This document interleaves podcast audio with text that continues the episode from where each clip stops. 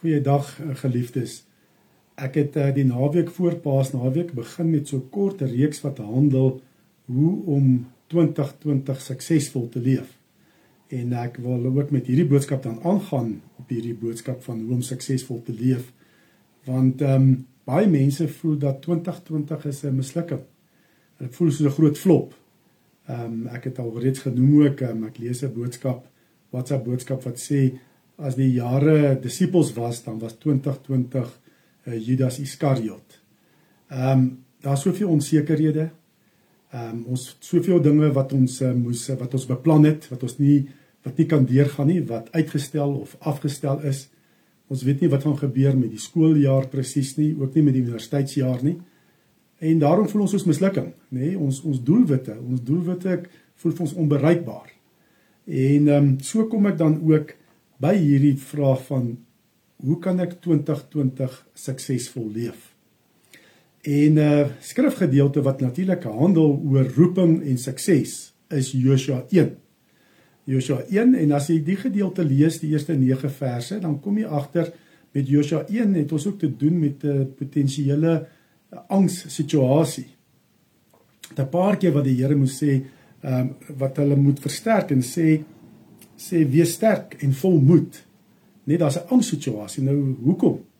Dit was natuurlik omdat die volk by die punt van vervulling van 'n uh, die belofte van 'n beloofde land gekom het, maar nog nie die einde van die pad nie. Daar was nog 'n stuk wat voorgelê het. Eerstens moes hulle deur die Jordaan gaan wat heel waarskynlik 'n vloed was. En dan moes hulle ook nog die beloofde land inneem nê nee, daar sou hulle met stede te doen kry die vyand is tot die tande toe gewapen en uh, hulle is ingegrawe in versterkte stede. En dan nog hulle hulle leier Moses een van die groot leiers van Israel van die Ou Testament nê nee, is oorlede. Hoe gaan hulle nou verder gaan sonder Moses? Want Moses was vir Israel meer as net 'n leier. Hy was vir hulle uh, vir Israel was Moses 'n profeet geweest Hy was 'n middelaar tussen hulle en God. Ehm um, God het met Moses gepraat en dan Moses vir die volk om sê wat God wil hê en ehm um, so was hy 'n middelaar. So hy was baie meer as net 'n leier. En nou, hoe lyk die pad vorentoe? Maar nou kom die Here en hy sê vir Joshua, Joshua, wees sterk. Ek gaan deur jou werk en ek gaan jou suksesvol maak dat die volk die beloofde land inneem. Daar staan, ek lees in Joshua 1 vers 2 en 3 Moses my dienaar is dood. Maak jy nou gereed en trek deur die Jordaanrivier, jy en hierdie hele volk. Gaan na die land toe wat ek aan hulle, die Israeliete gee. Soos ek vir Moses gesê het, gee ek aan julle elke plek waar julle kom. God gaan nou deur Joshua werk en dan is sukses verseker. So verseker dat hy in vers 3 sê eintlik het hulle al reeds die land ontvang. Hulle moet hom net neem dit is eintlik so seker dat dit alreeds gebeur het. Die die werkwoord is nie perfekte ehm um, uh, ja, tydsvorm. En nou kom en nou sê die Here vir vir Joshua, hy gaan deur hom werk en hy gaan suksesvol wees. Hy sal sy doel bereik. Uh twee keer word daar in vers 7 en 8 gesê jy gaan voorspoedig wees. En die Hebreëse woord vir voorspoedig wees beteken dit wat jy beplan om dit te bereik, om jou doelwitte te bereik. Die Here sê vir Joshua, ek gaan deur jou werk, jy's my dienaar, ek gaan deur jou werk en sukses is dan verseker. En so kom die Here ook vandag na ons toe ook en sê vir jou, jy's my dienaar of dienares en ek gaan deur jou werk en jy gaan suksesvol wees. Want die Here het ons almal geskape vir sukses en die Here wil ook hê dat ons deur die sukses wat ons bereik in ons lewens 'n gelukkige, vervulde en tevrede lewe sal lei omdat jy die doel wat in jou lewe bereik. Maar baie keer as ons kyk na ons as gelowiges se lewens, dan sien ons ons leef nie vervuld, tevrede en gelukkig nie. Baie keer sit ons reeds met negatiewe emosies soos aggressie, angs, vrees en stryd, ontevredenheid wat jy dalk reeds nou in hierdie grendeltyd beleef. Hoekom is dit so? soos ek in daai vorige boodskap ook gesê het dat ons emosies is baie keer soos die waarskuwingsliggies van ons kar om te sê daar's 'n dieper probleem. ons streef baie keer die verkeerde doel in ons lewens na. En kom ons luister dan, wat sê die Here vir Joshua? Wat is die doel wat Joshua moet nastreef om suksesvol te wees? En ons lees dit in uh, Joshua 1 vers 7 en 8. Wees veral sterk en baie vasberade in die uitvoering van die wet wat my dienaar Moses jou beveel het. Moet daarvan nie links of regs afwyk nie, dan sal jy voorspoedig wees waar jy ook al gaan. Hierdie wetboek moet die rigsnoer wees vir alles wat jy sê. Oordink dit dag en nag sodat jy alles uitvoer wat daarin geskryf staan. Dan sal jy slaag in wat jy moet doen. Jy sal voorspoedig wees. Die eerste beginsel wat ek 'n vorige keer uitgelig het, is dat Josua moes God ken, moes God en sy weë ken om suksesvol te wees. Josua moes die woord van sy tyd verstaan het en ook God gehoorsaam het. Dis die eerste beginsel. Ken God en sy weë. Ons moet ook God ken deur Jesus Christus en ook sy weë en dan sal ons suksesvol wees. Maar ek wil nog 'n beginsel vir sukses uitlig uit hierdie uh Josua 1 vers 7 en 8. En soos ek uh, ook die vorige keer gesê het, as jy spanning ervaar, is dit baie keer omdat jou doel is onseker. As jy aggressie ervaar in jou lewe, dan is dit baie keer dat iemand jou doel blokkeer. En as jy in 'n staat van depressie is, is dit baie keer omdat jy jou doel lyk onmoontlik. Jy sal dit nie kan bereik nie. En ehm um, en daarom moet ons gesonde doele nastreef. Al hierdie ongesonde doel wat jy dalk gestel het vir jouself veroorsaak hierdie spanning, aggressie en depressie. Kom ons neem 'n bietjie die voorbeeld. Gestel 'n vrou in hierdie grendeltyd stel haarself ten doel, stel hy die doel in haar lewe dat sy 'n gelukkige, tevrede, liefdevolle gesin wil hê. Ehm um, wie kan hierdie doel blokkeer in haar lewe om 'n gelukkige, liefdevolle gesin te hê. Haar hele gesin kan dit doen. Elke gesinslid kan hierdie doel in haar lewe blokkeer. En as sy dit as 'n doel vir haar lewe stel, nê, nee, dan hang haar selfwaarde daaraan. Daar daarvan af. En as iemand dit blokkeer, as 'n gesinslid dit blokkeer, dan gaan sy reageer en sy gaan dalk baie aggressief raak, nê, nee, om dit te sê nee, jy kom in lyn. Nee, om almal sy sou eintlik haar gesinslede wil begin beheer en manipuleer om te doen soos wat sy wil hê hulle moet doen sodat sy die doel sal bereik van 'n gelukkige, liefdevolle, vredevolle gesin. Want haar selfwaarde hang daarvan af. En nou op sosiale media kry mens baie boodskappe van die spanning wat daar nou in hierdie na 3 weke in huise is tussen mans en vrouens wat nie gewoond is, uh, nee, huweliksmaats om so mekaar se geselskap te verkeer nie. Ek lees 'n uh, 'n WhatsApp boodskap wat sê I married my wife for her looks uh but not for the look she is giving me these days. As man, byvoorbeeld, kan jy ook 'n doel hê in jou lewe. Jy wil uh, jou eie besigheid opbou. Jy wil 'n uh, goeie betroubare lidmaat van 'n gemeente wees. Jy wil 'n goeie huis besit, nê, nee, 'n goeie woonbuurt en jy wil ook 'n goeie neseier opbou vir jou aftrede eendag om gerieflik af te tree. Jy werk baie hard en uh jy jy's besig om jou besigheid op te bou, jy's besig om jou doel te bereik, maar dan gebeur COVID-19. Vir 5 weke moet jy jou besigheid se se deure sluit. Skielik is jou doel in skerwe, want jy besef jou besigheid sal dit nie maak. Jy kan nie, jy kan dit nie bekostig om jou besigheid se deure vir 5 weke te sluit nie. Ehm um, ook die verder dan word Suid-Afrika se ekonomie afgegradeer en die geld wat jy al opgebou het as neseier neseier se waarde het baie gesak. Skielik het jy nie meer so baie geld nie en jou doel is in skerwe. En jy gaan in 'n staat van depressie. Ehm um, hoekom gebeur dit? Omdat jou doel, die bereiking van jou doel buite jou beheer is as jy 'n doelwit het wat afhang van die samewerking van ander mense of gunstige omstandighede, is dit nie 'n goeie doel in jou lewe nie. Want as jou selfwaarde daarvan gaan afhang om daai doel te bereik, gaan jy heeltyd 'n lewe lei van aggressie, spanning, depressie. Nee, ons moet God se doelwit in my lewe nastreef. Want dan werk hy deur my en dan is sukses verseker. En die belangrike om God se doelwit in jou lewe na te streef is om te onderskei tussen 'n goddelike doelwit en 'n goddelike begeerte. Wat is 'n goddelike begeerte? Die goddelike begeerte strek tot eer van God en kan ook strek tot tot uitbreiding van sy koninkryk, maar die sukses is afhanklik van gunstige omstandighede en samewerking van ander persone, van ander mense. En ehm um, as dit as jy daai begeerte verhef tot 'n goddelike doelwit, dan gaan jy dit gaan vir jou die verskil maak tussen sukses en mislukking. 'n uh, lewe van vrede of ontevredenheid, 'n uh, lewe van pyn.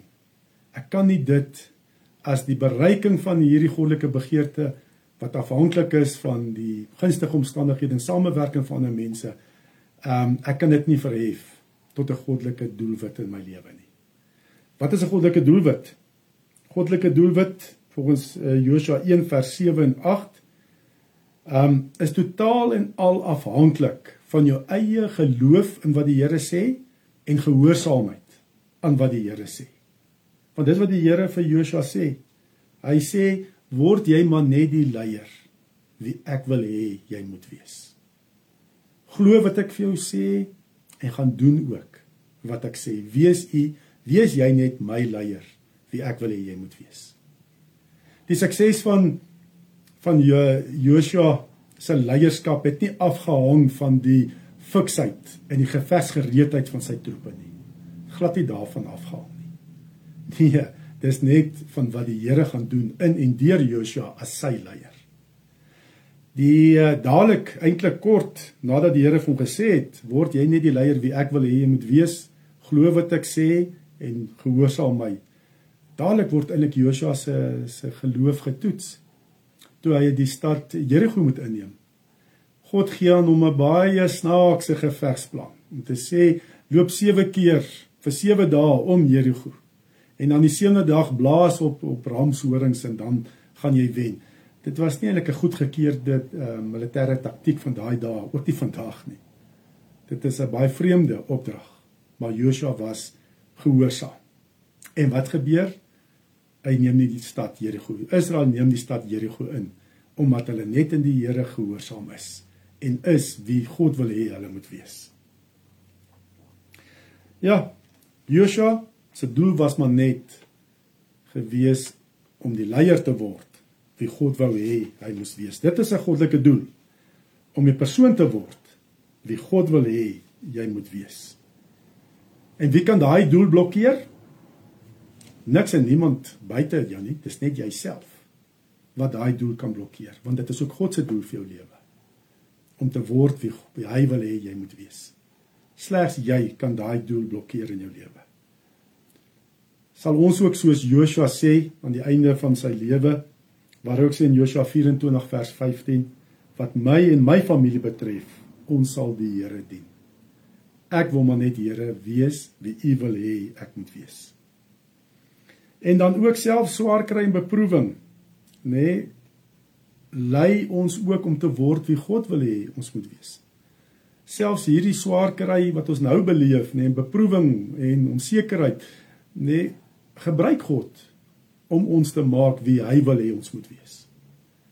Weet hierdie doel is so belangrik dat dit selfs ook die doel van Jesus was.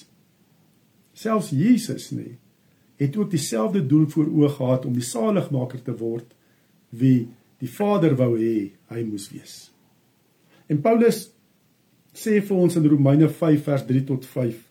Ehm um, sê hy ons verheug ons ook in die swaar kry want ons weet swaar kry kweek volharding En volharding kweek egtheid van geloof en egtheid van geloof kweek hoop.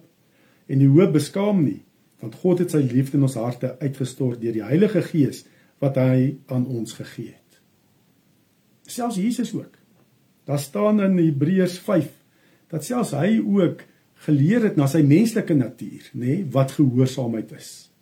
Selfs Jesus het dit vir hom ook voor oë gestel om na sy menslike natuur te word wie die Vader wil hê hy moes wees as saligmaker. In Hebreërs 5 vers 8 tot 10 lees ons: Hoewel hy die seun was, het hy deur alles wat hy gelei het geleer wat gehoorsaamheid is. En toe hy volmaaktheid bereik het, het hy vir almal wat aan hom gehoorsaam is, die bron van die ewige saligheid geword en is hy deur God verklaar tot hoëpriester volgens die priesterorde van Melchisedek. God se suksesverhaal met jou lewe het aan die kruis begin. En is bevestig net dat jy sukses is toe Jesus uit die dood opgestaan het daai Sondagmôre. God het jou geskape vir sukses. Nou werk saam met die Here, werk saam met God se suksesverhaal en strewe sy doel in jou lewe na. Word elke dag meer en meer die persoon wie God wil hê jy moet wees as vrou en ma word die vrou en ma wie God wil hê jy moet wees. As pa ook. Wees die man vir jou vrou wie God wil hê jy moet wees. Die pa vir jou kinders wie God wil hê jy moet wees. As werker word die advokaat, prokureur, dokter, onderwyser, predikant, ingenieur, tegnikus wie God wil hê jy moet wees. Word die die kind die die dogter en seun wie God wil hê jy moet wees. Nee, met God se doel in ons lewens is ons in 'n wen-wen situasie. Weet uh, dan God gebruik alles en selfs ook hierdie grendel tydperk om ons net meer en meer te vorm wie hy wil hê ons moet wees. Ons word eintlik gestroop in hierdie grendeltyd van al daai gejaag na wind. Soveel dinge wat ons lewens so vol gemaak het en wat eintlik so min beteken het. Ons het nou tyd om meer en weer en weer te besin, maar wat is belangrik in die lewe? Wat is God se plan met my lewe? Wie wil God hê ek moet wees? En as jy hierdie die doel van jou lewe maak, dan sit jy in 'n wen-wen situasie. Dat self swaar kry is deel van God se plan om jou meer te maak wie God wil hê jy moet wees. Selfs in 'n spanningssituasie, nie as jy in 'n spanningssituasie sit met ehm um, byvoorbeeld jou baas of 'n spanningssituasie met jou man of vrou in hierdie weke van in, uh, inperking of spanningssituasie met jou met jou kind nê nee, um, is dit die beste manier ook om die spanningssituasie op te los. Om net meer en meer te word wie God wil hê jy moet wees. Want dan gaan jy minder fokus nê nee, op die ander persoon om die ander persoon te verander. En gaan jy meer fokus op jou eie lewe om vrug van die Gees te dra in jou lewe. Om nie wraak te neem nie. Om nie kwaad met kwaad te vergeld nie. Maar om meer en meer te word wie God wil hê ek moet wees. Jy's nie gefokus meer om die ander persoon te verander nie, maar om jouself te verander. Maar nou kan jy dalk sê, maar die probleem is 90% die ander persoon en net 10 persoon 10% jou skuld. Weet jy jy het in elk geval nie beheer oor die ander persoon se 90% nie. Vat beheer oor die 10% waaroor jy beheer het. Verander dit. En dis dalk net dit wat nodig is dat God deur jou kan werk en die ander persoon kan verander en daar verzoening kan kom. Dis dalk net daai 10% wat jy moet verander wat 'n groot verandering bring in die ander persoon. Dat die Heilige Gees deur jou werk en die ander persoon se hart aanraak weet ons sê baie keer maklik my situasie my huwelik my werk is hopeloos. En dan verander ek van werk en verander ek selfs van huweliksmaat. Net om uit te vind my nuwe werk en my nuwe huwelik is net so hopeloos. Ons soek baie keer kits oplossings daar's nie kits oplossings nie. Nee laat toe dat God deur jou werk. En wanneer is jy 'n bruikbare instrument in die Here se hande wanneer jy word wie hy wil hê jy moet wees. Dan is die doel verseker. Dan verander dit ons lewens. Streef God se doel in jou lewe na en word die persoon wie God wil hê jy moet wees. Kom ons bid saam. Here, dankie dat U ons geskaap het vir sukses, dat ons U dienaars en dienaresse is waardeur U werk en sukses ook in ons lewens verseker is. Heilige Gees lei ons om te onderskei tussen 'n goddelike begeerte en 'n goddelike doel. Here dat ons u doelwitte vir ons lewens sal nastreef. Dan weet ons Here, u sal deur ons werk en sukses is verseker. Seën ons nou Here en openbaar aan elkeen van ons wat is u doel in ons lewens. Ons vra dit in Jesus se naam. Amen.